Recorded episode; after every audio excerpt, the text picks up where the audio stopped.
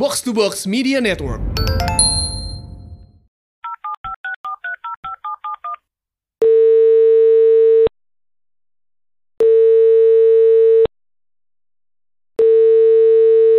Hai, aku Cecilia.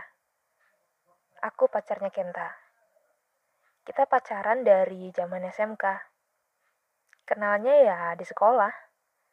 Sekarang masih pacaran sih. Cuma gak seasik dulu. Dulu kan tiap hari bisa ketemu. Kalau sekarang enggak. Aku sama dia sama-sama ngelanjutin kuliah. Tapi kampusnya beda jurusannya juga beda. Aku lanjut di farmasi, dia kuliah ngambil jurusan manajemen bisnis. Kenta udah menuhin kebutuhannya sendiri. Dia punya usaha, bikin kafe gitu. Sekarang malah dia mulai buka toko baju juga. Ngambil dari teman kampusnya yang orang Bogor. Orang tuanya punya brand kaos gitu. Jadi tiap bulan dia suka ke Bogor buat ambil kaos. Bentaran doang, pergi pagi, malamnya juga udah pulang.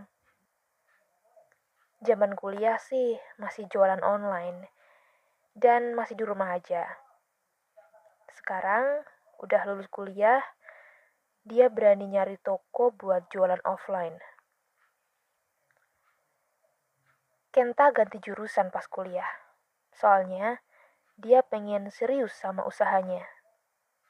Pengen punya duit tanpa kerja katanya. Kalau kafe sama toko dia gede, dia kan bisa hire orang. Dan tinggal mantau sama bayar gaji doang, nggak usah repot-repot kerja.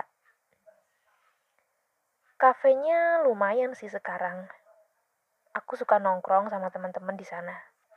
Tapi kentanya suka nggak ada masih sibuk mondar-mandir lah dia. Yang dilihat orang, Kenta pasti kaya. Mobil aja dia beli sendiri. Kafe punya sendiri. Toko punya sendiri. Mau beli apa-apa, tinggal beli. Udah gak pakai acara nabung segala. Yang orang lain lihat sih gitu. Padahal aslinya enggak. Kekayaan dia kepalsuan doang. Karena nyatanya, Kenta punya banyak utang. Dia pinjam sana-sini buat modal usaha dia. Tiap tahun, dia pengen punya usaha yang baru. Usahanya makin banyak, tapi utangnya juga makin banyak. Tapi Kenta kuliah emang gak asal kuliah kok. Dia bener-bener bisa ngaplikasiin apa yang dia dapat di kampusnya. Gak heran kalau dia bisa lulus cum laude. Dia bener-bener tahu apa yang dia lakuin. Jeleknya Kenta, dia nggak mau nyisihin uangnya buat utangnya. Maksudnya gini, dia cicil kok utangnya, tapi ya cuma sebanyak besar cicilannya doang. Kalau dibandingin sama omset bulanannya, ya masih nyisa banyak. Tapi sisanya ya dia habisin aja.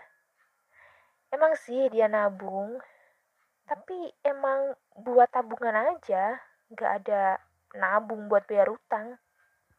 Aku suka ngasih tahu Kenta, tapi dia gak mau denger. Maksud aku, dia mending nabung sebanyak mungkin aja buat jaga-jaga. Yang namanya usaha kan gak ada yang tahu ya beberapa tahun ini emang usaha dia lagi bagus. Tapi kan ke depannya gak ada yang tahu. Kalau bangkrut, tapi utangnya belum lunas, kan bahaya. Kenta selalu bilang, kalau dia bisa ngatur keuangan usahanya.